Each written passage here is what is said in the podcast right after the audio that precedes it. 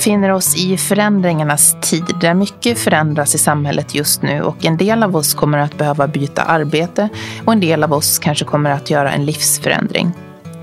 Veckans gäst Malin Linner har precis gett ut en bok om människor som skapar förändringar. De har liksom henne själv gått igenom en förändringsprocess och har idag någon form av kreativt arbete. Malin har valt att kalla dem för changemakers, som också är namnet på hennes nya bok. Hon själv har gått från att arbeta som ekonomichef till att idag vara en av Sveriges mest kända fotografer. Välkommen till Inredningspodden Malin Linner. Tack. Det känns fantastiskt att få sitta här med en vän Ja, att spela in. Som jag känner ganska väl. det känns väldigt mysigt att få vara här. Ja. Faktiskt. Du har ju i precis, precis i dagarna gett ut den här boken som jag har framför mig nu. En riktigt kraftig, eh, vad ska vi kalla det? Eh, porträttbok. Ja, Som eh, du har både skrivit och fotograferat själv. Och den heter boken Changemakers. Mm. Vad, vad är en changemaker? Ehm, när jag började skriva den så hade jag inte namnet klart för mig. Utom eh, jag var bara... Ja, men jag hade en dröm om att få göra en bok där jag porträtterade kvinnliga kreatörer och entreprenörer och eh, frågade dem frågor om, inte hur har du startat ditt företag, utan mer vad driver dig, vad är du rädd för, vad motiverar dig, vad drömmer du om? Alltså mer mjuka värden.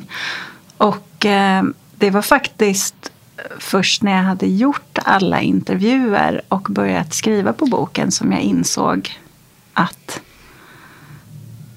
den ju eh, handlade om människor som förändrar sina liv och i långa loppet även samhället genom de förändringarna. För att alla de här kvinnorna i boken de eh, har liksom gått lite mot normer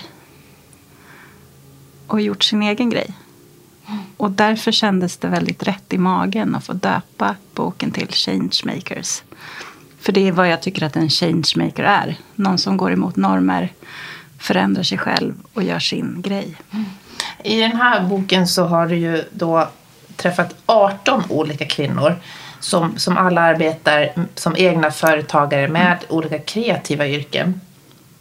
Eh, Kan du nämna tre gemensamma nämnare som, som de alla har tagit upp som viktiga faktorer för att våga förändra sina liv?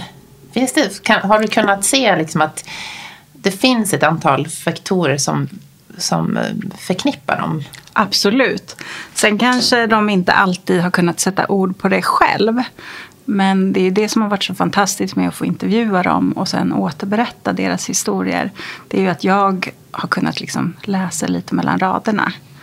Och det jag har skrivit och upptäckt har ju de liksom fått okeja sen.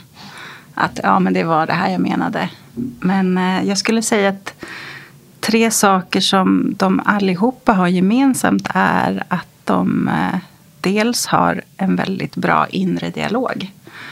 Alltså den interna kommunikationen. Hur de pratar med sig själva. Att eh, de eh, tänker hur kan jag göra det här snarare än tänk om det här inte går. Och eh, hur ska jag lösa det här eh, istället för att fokusera på oj, vilket problem det här blev. Ehm, Är de lite lösningsorienterade så? jag skulle säga att de flesta är det. Jag är tvungen att gå igenom alla 18 i huvudet på en gång. Eh, nej men absolut. Jag tror, så här. Eh, en kreativ människa är ju ofta bra på att lösa problem. Det ligger ju liksom i kreativiteten. Till exempel som Hanna Wendelbo säger. Är att eh, hon känner sig väldigt sällan orolig för att det inte ska fungera. För att hon vet att hon alltid kan lita på sin kreativitet. Hon kommer alltid komma på nya lösningar. Eh, när problem uppstår. Så man måste inte man måste inte veta allt från början. Det är väl kanske det. Eh, och det gör ju att jag kommer in på ordet mod. För mod för mig betyder inte att inte vara rädd. Mod betyder att vara rädd, men att göra det ändå. Och eh, det skulle jag säga att alla de här är väldigt modiga. För de vet ju inte exakt hur det kommer bli. Det vet ju ingen någonsin. Men man tror väldigt starkt på någonting. Och då måste man testa det. Att ge sig själv den respekten. Och att vara sann mot sig själv. Är det någonting, det här med mod, är det någonting som eh, de här 18 personerna har kunnat sätta ord på själva? Att, de upp, att man ha, har de, den insikten att... Ingen av dem har väl egentligen sagt att jag är modig. Men många har väl uttryckt att, att de är orädda. Att de, eh, de gärna testar nya grejer. Att de är nyfikna. Och de har använt ordet orädd som mm. i att man måste pröva sig fram. Man måste snubbla. Det är okej, okay. man ska snubbla så länge man borstar av sig och reser sig upp igen. Misslyckandet ligger ju i att ligga kvar på marken. Det var två faktorer ja. som du har identifierat. Finns det någon, den tredje?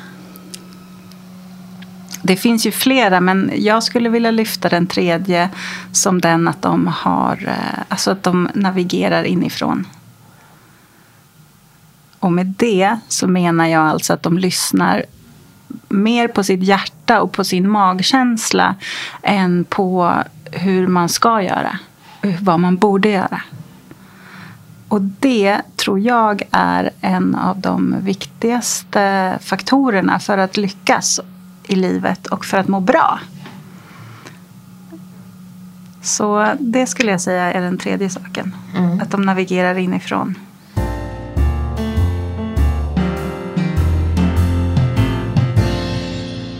Du har ju själv gått igenom en, en, en, liknande resa.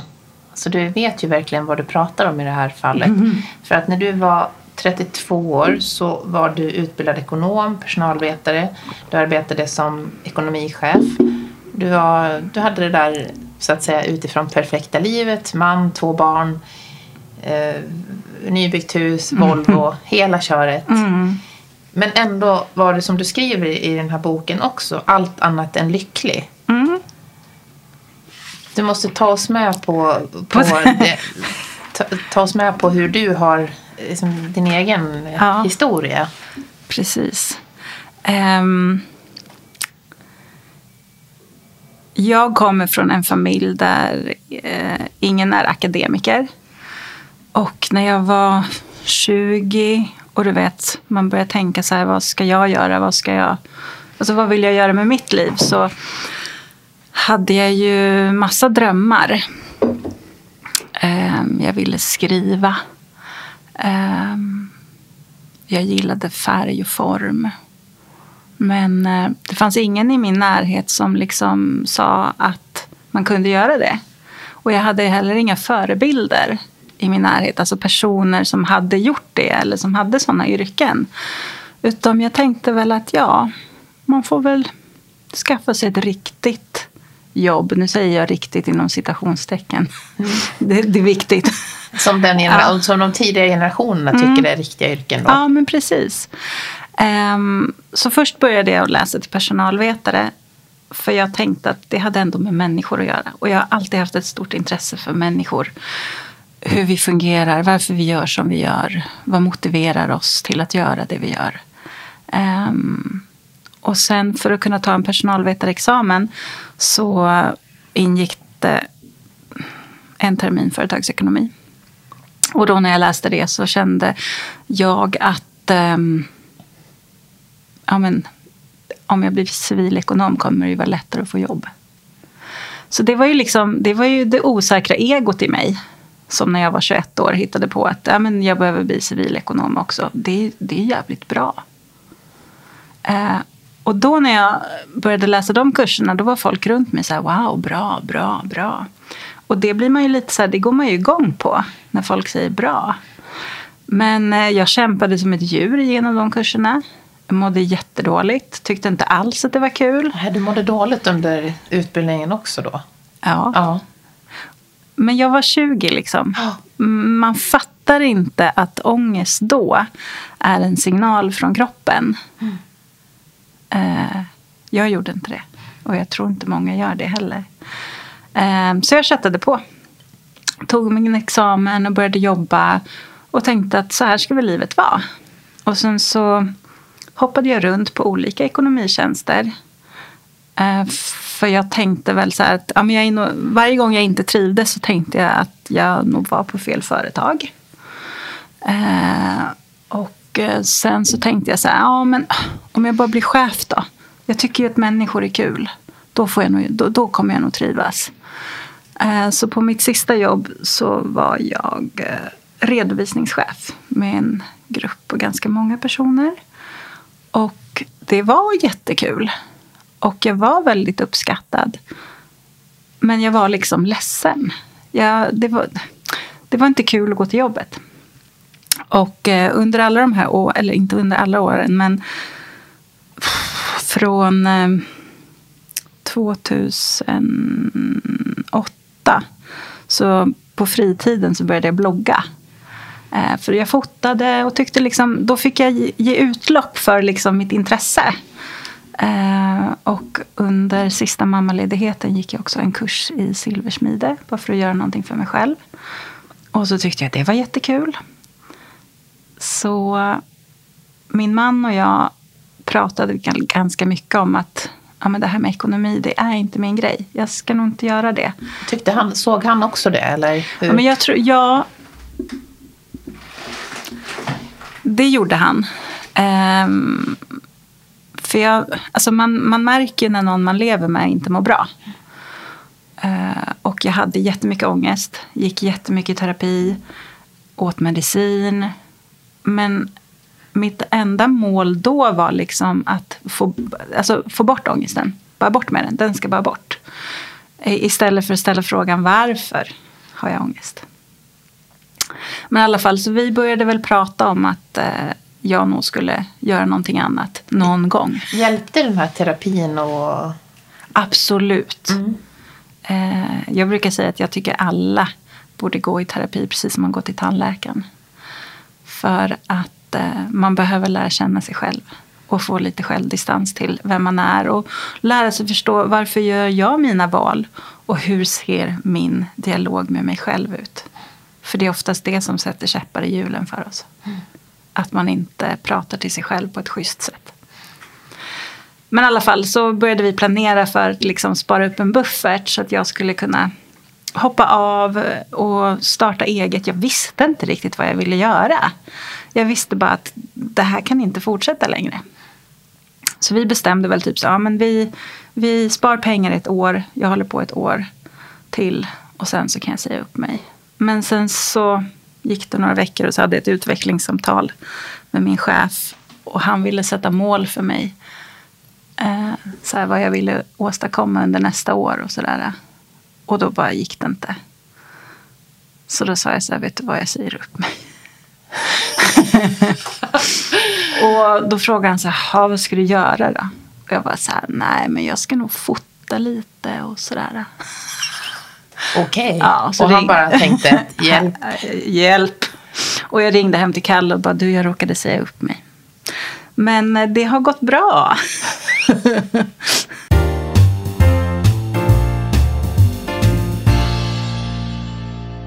Men eh, jag tänker på de som känner att ja, man, har, man är i en liknande situation mm. där man står i ett vägval. Man kanske inte står redo att säga upp sig så här, Nej. pang bom. Men hur lyckades du vända den här svåra situationen? Hur liksom, var, när kom den här, vad ska man säga, eh, vändpunkten när du kände att nu är botten nådd? Var det något sånt, eh, liksom att nej men det här går inte längre, nu måste det vända? Ja, men det var ju veckan innan det där utvecklingssamtalet med min chef. För då var jag på semester med min mamma och våra två barn på höstlovet på Teneriffa. För Kalle var bortrest med jobbet i två veckor och då orkade inte jag vara ensam hemma med barnen så då bjöd jag med mamma till Teneriffa. Och fram till den dagen så hade jag nog alltid känt så här efter en semester att jag var liksom lite taggad att gå tillbaka till jobbet. Och efter den här semestern, sista dagen, så blev jag magsjuk. Trodde jag. Men jag tror så här i efterhand att det var nog bara min kropp som sa så här att nej. För hela jag, alltså det enda jag tänkte på på den där semestern var jag kan inte gå tillbaka till jobbet. Jag kan inte göra det. Eh, så att, att jag sa upp mig veckan efter var liksom inte att det var en idé jag hade kommit på. Det var som att jag var tvungen att göra det för att överleva. Och jag visste som sagt var inte vad jag skulle göra exakt efter det. Men jag visste att det kan i alla fall bli bättre. Och plötsligt så blev det ju lite lättare att andas. Vad hände sen? Vad hände sen? Ja, men när du då Ja. hade sagt upp Mm. dig. Det är ju sådär, vad, Mm. vad sa omgivningen? För det första också. Ja, men det var ju det var lite blandat skulle jag säga. Eh, de flesta och de jag valde att lyssna på tyckte att det var jätteballt och modigt. Och var så här, gud, jag önskar att jag också hade ditt mod och vågade göra det där. Och tänk om jag skulle kunna, men för mig går ju inte det. Oj, oj, oj. Um, medans eh, andra inte riktigt kunde förstå. Eh, hur kan man lämna ett välbetalt jobb liksom? Hur kan, man, hur kan man vara så dum? Men för mig har, från den dagen, så har pengar liksom inte varit någon drivkraft för mig. Fram till den dagen så trodde jag att om jag bara får ett välbetalt jobb så betyder det att jag har ett värde som människa. Men det finns ju noll likhetstecken mellan de två sakerna. För det är någonting som många möter också av, eh, av egenföretagare. Mm. Just det här med pengar. Att, ja, men man måste ju ändå, det måste ju ändå... eh, Ja, man måste ju ändå ha mat på bordet. Ja, det måste gå runt. Ja. Och eh, just den där gruppen människor som säger så här att "Och jag önskar att jag också, men eh, jag har inte den förmånen, den ekonomiska förmånen Mm. att kunna ha en man som har eh, en fast inkomst eller så vidare. Mm. Hur... eh, Alltså det vi gjorde var att vi eh, tittade på oss som familj. Och sen så satte vi oss ner med, med Excel. Och eh, liksom, vad har vi för kostnader? Och vad, hur mycket pengar behöver familjen Lindner AB för att vi ska må bra och gå runt? Eh, och då hamnade vi på en summa. Och eh, då la vi även in så här att vi ville kunna åka på lite semester någon gång ibland. Men kanske inte liksom lyxiga semestrar, men någon. Alltså det behöver man ändå som familj den tiden. Och sen så valde vi också bort massa saker. Eh, men vi gjorde en kalkyl på vad vi behövde som familj. Och då fick vi snabbt en siffra på liksom, det här behöver komma in. Och så, det vi alltid har vetat har ju varit liksom Kalles lön. Eller alltid, man kan inte ta för givet att han alltid ska ha sitt jobb. Men, men det har ändå varit en säkrare inkomst än, eh, än min inkomst eftersom den har varit upp och ner. Eh, Så det första jag gjorde var att jag fegade lite. Eh, Jag tog konsultuppdrag inom ekonomi. Fast i egen regi, då, i eget företag. Eh, För då visste jag så här, okej, jobbar jag så här många timmar i veckan med det, då kommer liksom den här grunden komma in. Alltså det, vi, det jag behöver bidra med. Eh, Och sen så får jag ta resten av den tiden som blir över till att vara kreativ och, och bygga upp den andra delen av mitt företag.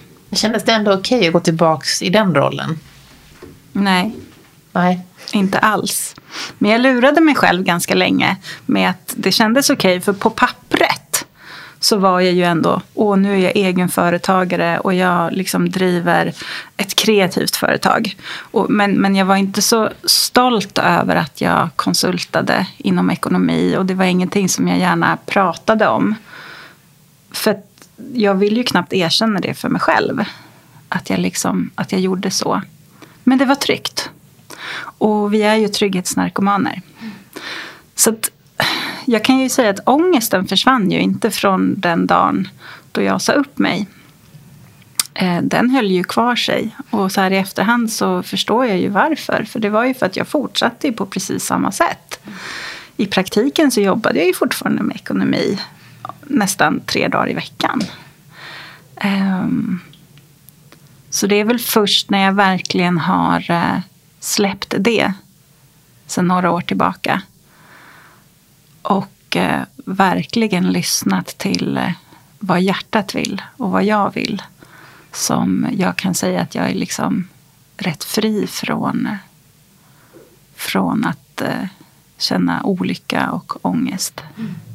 Den där ekonomiska oron är ja. ju någonting som många i boken återkommer till också. Absolut. Och är också någonting som de som lyssnar och som står mm. i begrepp att göra en stor förändring mm. eh, till kanske ett kreativt yrke som ändå, mm. ja den här podden handlar mycket om kreativitet. Um, och där är ju också då om man är själv mm. och om man inte har eh, en annan inkomst att ha som grund. Hur, hur, vad är dina tips? Det där med att du gjorde, det, det du gjorde var ju att konsulta tillbaks mm. ett tag för att mm. eh, ändå liksom ja, men Jag skulle överleva. nog säga att, eh, att en smart grej är ju faktiskt att vara kvar på sitt jobb ett tag och spara upp ett kapital som kan täcka liksom att man inte får inkomster direkt när man startar eget. Och att eh, kanske gå ner i tid. Eh, så att man... Eh, alltså många arbetsgivare är ju ändå schyssta liksom. Att man kanske tar en dag i veckan och, och liksom gör sin kreativa grej. Eh, men jobbar kvar de andra. Alltså att man fasar ut sig själv. Mm. Och sen så kan man ju också testa. Att gör man den här kalkylen, så här, så här mycket pengar behöver jag varje månad för att klara mig. Eh, testa och lev med det då. Eh, för det kan ju bli en stor förändring mot hur man lever idag. Mm. Ja, men, men också ska jag säga så här. Ett tecken på att man inte är så himla lycklig är ju kanske att man shoppar lite för mycket. Och jag kan säga att ju lyckligare jag är desto mindre behöver jag sitta och shoppa saker. Alltså, så mm. det är liksom, jag har sparat pengar på att bli lycklig. Om du förstår vad jag menar. Mm, jag vet. Vi ja. har ju shoppat tillsammans du och jag i Frankrike. Ja. Vad står det? Du som introducerade mig till att köpa stenar. Ja, stenar är bra att ha. Ja. Ändrar så, energierna. Ja, och mm. så har vi varit på loppis. Ja. Nej, men jag, jag förstår dig. Ja. Nej, men alltså testa. Alltså, Okej, okay, det här behöver jag för att kunna liksom leva min vardag. Ehm, och testa, testa och lev så. Och sen stoppa undan de andra pengarna så länge. Mm. Och på verksamt.se så finns en jättesuperbra kalkyl där man kan eh, ploppa in så här, så här mycket lön vill jag ha. Så här gammal är jag. Och så här mycket lön vill jag kunna ta ut. Och så rasslar det till och så får man så här, så här mycket måste du omsätta.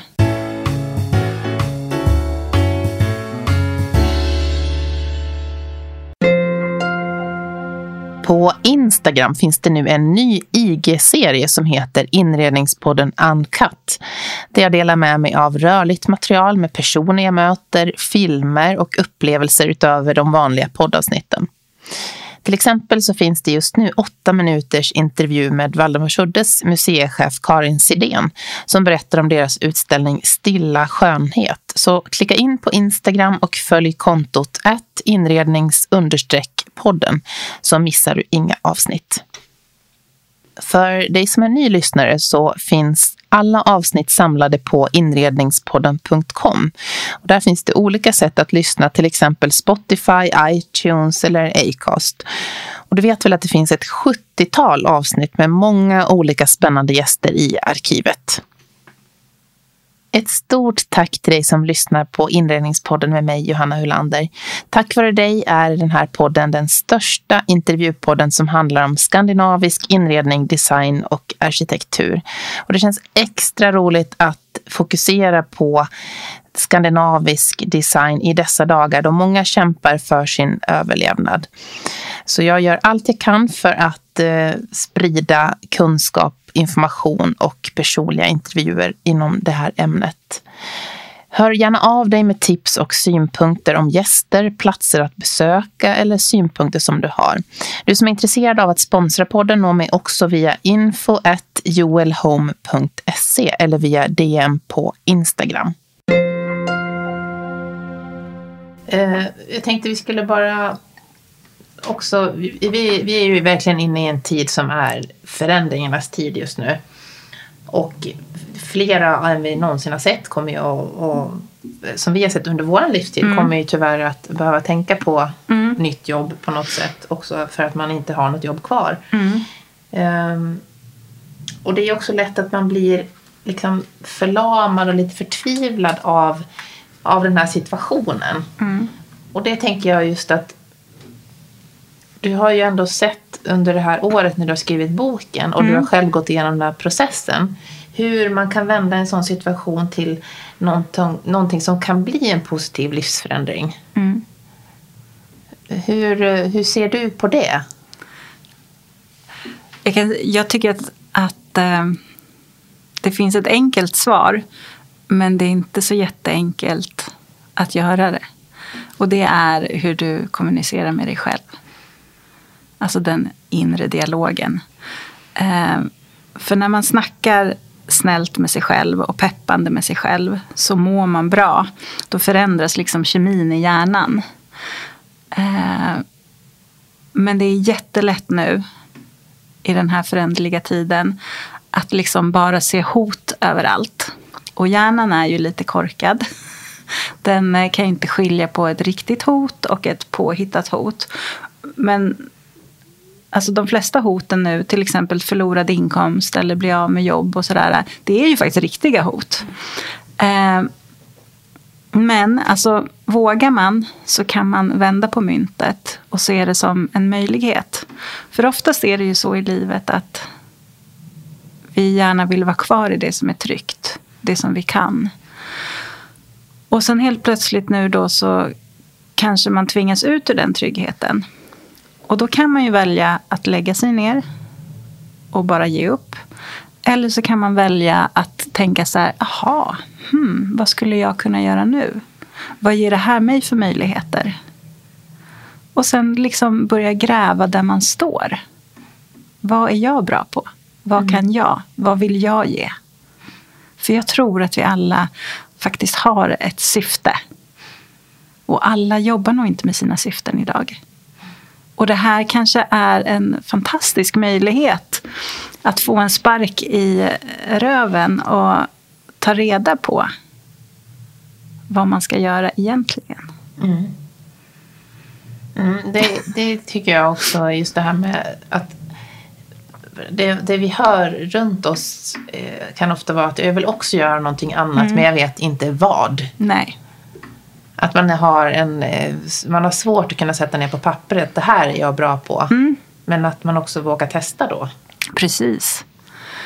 Um, det finns ju så otroligt mycket bra övningar man kan göra. Uh, känner man sig jätte, jätte, jättevilsen så tycker jag ändå att man ska unna sig att uh, träffa en coach. Och då menar inte jag att man behöver gå i terapi utan det finns ju coacher som liksom kan hjälpa en och bara liksom nysta lite. Och, alltså de ställer de rätta frågorna som gör att man börjar tänka. Eh, sen finns det en fantastisk övning som heter Ikigai. Eh, som går ut på att man ska svara på vad man älskar att göra, vad man är bra på att göra, vad världen behöver mer av och vad man kan ta betalt för. Fyra grejer. Och gör man den övningen så till slut så liksom utkristalliseras lite vad som är mitt varför. För det är svårt att hitta sitt varför i liksom bara vad jag älskar att göra. Det måste ju vara så att världen faktiskt behöver det också om du vill kunna liksom... Ja, men vi mm. hör, allting hänger ju ihop. Ingen människa är en ö. Vi är beroende av varandra och jag kan inte gå omkring här på jorden och tro att jag bara är här för min skull. För det är jag inte. En eh, av personerna i boken, Katrin Sandberg, hon jobbar ju som storycoach. Och eh, hon är övertygad om liksom att, att det är i berättelsen om oss själva som vi hittar våra syften. Eh, och hon håller workshops i det. Och jag, tyck, jag har själv gått en sån och tyckte att det var fantastiskt. Och där, det är så enkla övningar. Att man bara ska liksom sitta och strömskriva. Jag älskar att, jag älskar att, jag älskar att, jag älskar att. Mm. Och gör man det i en halvtimme så dyker det upp saker. För man kanske börjar med att jag älskar att dricka kaffe. Jag älskar att gå promenad, jag älskar att se på tv. Men ingen av de sakerna kanske definierar mig som person riktigt. Men eh, ja, så det finns jättemycket man kan göra faktiskt mm. för att hitta. Och det här ikigai. Ikigai, ja. Det är också bra frågor. Ja, mycket bra frågor. Mm. Jag tycker det. Så grundläggande. Hur viktigt är det att ha ett nätverk för att göra en livsförändring, tycker du? Jag skulle ju säga att det är jätteviktigt. Men det är ju lite så här, jag hade ju inget nätverk. Ehm, jag hade min familj och det är superviktigt. Det är jätteviktigt att ha människor runt omkring sig som eh, tror på en och som kan peppa en. För det är mm, inte lätt hela tiden. Och man har svackor och man backar och man tvivlar. Och då behöver man någon som står där och hejar på en. Och eh, som sagt, jag hade min familj. Men det kan lika gärna vara ett annat nätverk. Och idag, massa, massa år senare, så har jag jättemånga stora fina nätverk. Men det är för att jag har liksom sökt mig till det och liksom aktivt jobbat på att skaffa ett nätverk. Men eh, alltså det första man kan göra är ju egentligen att börja lista liksom, vad har jag för människor i min omgivning. Och det, det behöver inte alltid vara liksom bästa kompisar utan det kan vara så här, ja men just det, hon som jag träffade där, hon har ju den kompetensen. Och sen så tycker jag liksom så här, våga ta kontakt med människor. Alla människor äter lunch på dagarna, eller hur? Så här, hej, jag tycker du verkar grymt intressant. Skulle jag kunna bjuda dig på lunch någon dag? Skitläskigt. Jag är introvert så jag vet det är hur läskigt som helst. Men det finns så mycket att vinna på det. Eh, och sen helt plötsligt så liksom har man sakta men säkert byggt upp ett nätverk. Där man liksom kan bolla saker, be om råd. Ja. Mm. Och sen ordnar ju du också numera workshops där man mm. som är ett slags, eh, ett slags nätverksbyggande. Eh, ja. ja. Ja, men precis. Jag och Katrin Båt, som också är med i boken, eh, har sedan eh, två år tillbaka eh, börjat ha någonting som vi kallar för kreativ kick-off. För att vi, ja, men, vi träffades på en workshop och sen så upptäckte vi ganska fort att vi tyckte om varandra. Och eh, så satt vi och pratade om att det som är tråkigt med att vara ensam och egenföretagare är ju liksom att, att kickofferna blir jävligt tråkiga. eh, och då sa vi så här, men shit, tänk om vi skulle liksom bara dra ihop ett gäng med kreatörer och eh, vara på en fantastisk plats i två dagar. Och så har vi liksom en agenda där man delar med sig av liksom sina erfarenheter. Inte så att man bara går runt i två dagar och dricker vin och, och babblar. Utan att det verkligen är liksom så här, nu ska den och den prata om det och det. Eh, så att det liksom verkligen blir ett givande och tagande. Eh, så det drog vi ihop och nu har vi haft det tre mm. gånger och ska ha en fjärde gång i september. Och det är otroligt populärt och fantastiskt roligt. Mm. Ja. Jättebra nätverk ju. Ja, men att det man är ger, faktiskt det. Ger av, ger av sin egen eh, kompetens och erfarenhet också. Ja, då. ja men verkligen. Det blir som kurs, kursverksamhet nästan. Ja, men det blir som en kursverksamhet, absolut. Mm. Och det är liksom, vad man lär sig beror lite på vilka som kommer. Vad de har med sig i sin ryggsäck liksom. Det här med just att du gick från ekonomichef eller redovisningschef till fotograf. Mm. Hur, hur kom du fram till att det var just fotograf som du skulle uh, satsa på? Jag höll ju på med lite bloggande där. Eh, under tiden jag fortfarande var anställd. Och det var ju för att jag eh, fotade mycket men inte visste riktigt hur jag skulle visa de bilderna. Um, och under tiden jag var anställd så var jag också typ så här, ja, men om det var någon på något företag som jag jobbade på som skulle gifta sig eller så, så var jag där direkt och bara hej, eh, jag skulle kunna fota er. För det det handlar om när man vill Alltså jag ville bara ha massa erfarenhet. Jag ville bara fota, fota, fota, fota, fota. För hade, det var så roligt. Men sen så gick jag också den här kursen i silversmide. Och det var också så roligt. Så att jag tänkte ju ett tag i början att men jag gör båda de här sakerna. Och det gick ju ett tag. Men sen, var man liksom, sen kommer man ju till ett vägskäl skäl, där, eh, där, man, där jag var tvungen att välja. Liksom, för det, jag fick inte ihop tiden. Och då var det ju foto som, liksom, som hjärtat slog för. Eh, så det var ett enkelt val. Och för mig handlar det om att, eh, att få... Ja, men jag tycker om att fota för att jag tycker om människor. Eh, så enkelt är det. Mm. sen fotar jag ju andra saker än människor också. Men det är ju, även om man fotar inredning så är det ju i ett team med människor. Ja. Mm. Så. Det är ju ändå ett modigt val, just om man tänker fotograf. Ja. Alltså fotograf då tänker ju folk att åh, men det finns ju så många mm. fotografer idag. Och folk fotar ju själva. Ja, så Gud, mycket ja. säger ju, alltså, alla de här åsikterna som man hör. Ja. Som samhället öser, oss, öser ut över oss. Så är det ju ändå väldigt modigt att, att du tänker att nej men det här är liksom, det här är jag bra på.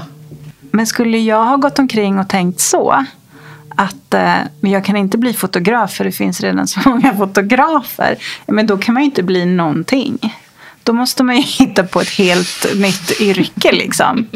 Men däremot så, så eh, det första jag gjorde eh, som kanske inte var så jättebra men som jag lärde mig massor av var att jag tänkte att alla är mina kunder.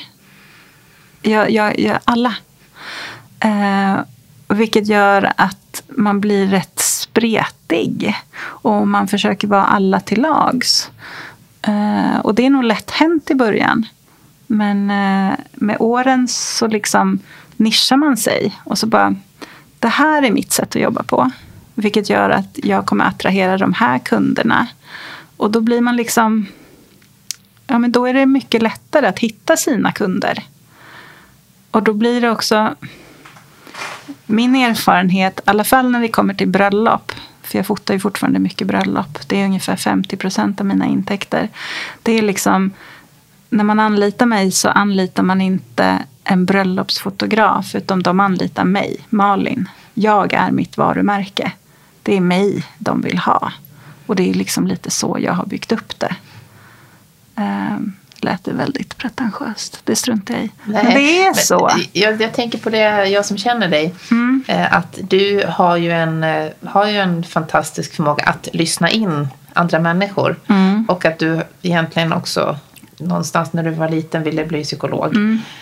Och det kommer ju nu till användning i den här formen då för att du genom Verkligen. fotandet kan få fram de här mm.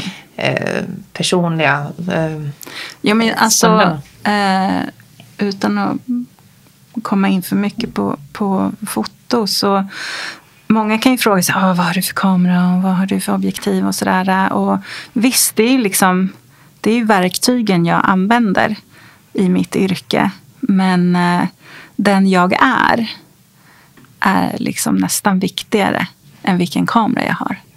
Att jag är lyhörd och inkännande är minst lika viktigt som att jag har koll på vad ISO-tal är. Mm. För det är det som skapar känslan i bilden.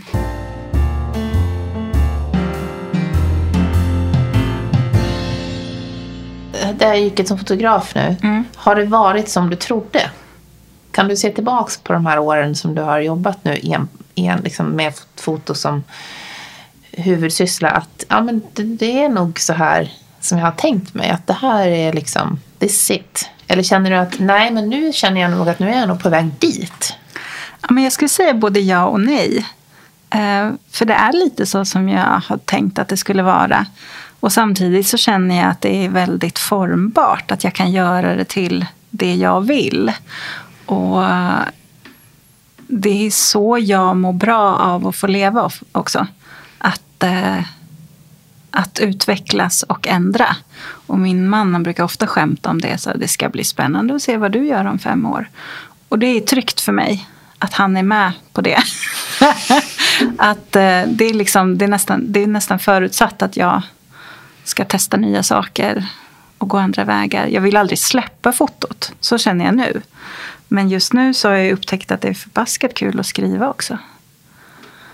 Jag tänkte säga det. När kommer nästa bok undrar jag. Ja men gud. Då ska jag säga så här. Från att ha haft en fullbokad vår så står jag ju helt plötsligt utan intäkter och inga jobb alls. Så nu har jag massa tid att börja skriva på en ny bok.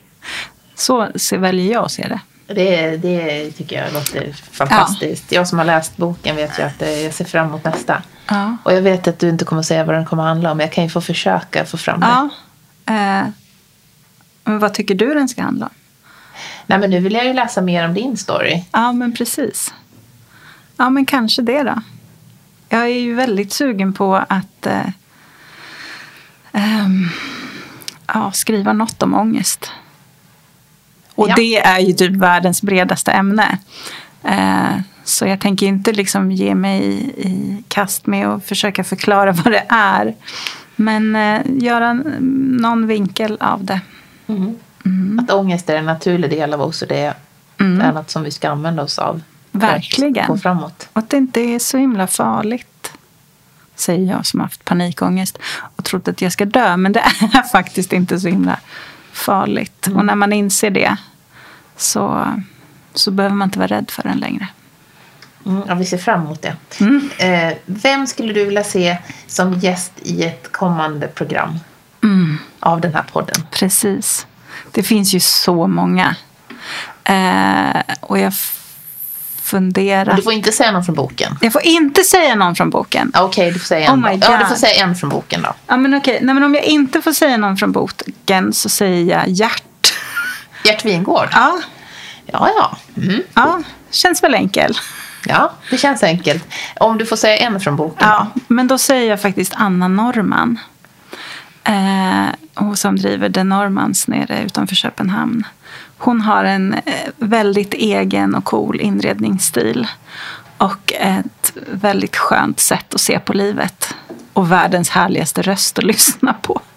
Så tre saker. Mm, det är fint. Mm. Om man vill kom komma i kontakt med dig, hur hittar man dig? Man hittar mig på Instagram. Malin Lindner. Malin Lindner. Så himla jobbigt att jag inte tog ett enklare efternamn. Men det blev sådär. Eller på min hemsida fotografmalinlindner.com. Ska vi äta kakor och dricka kaffe nu? Oh, väldigt gärna. Ja, ja. då hugger vi in. Ja. Tack snälla Malin. Tack Johanna.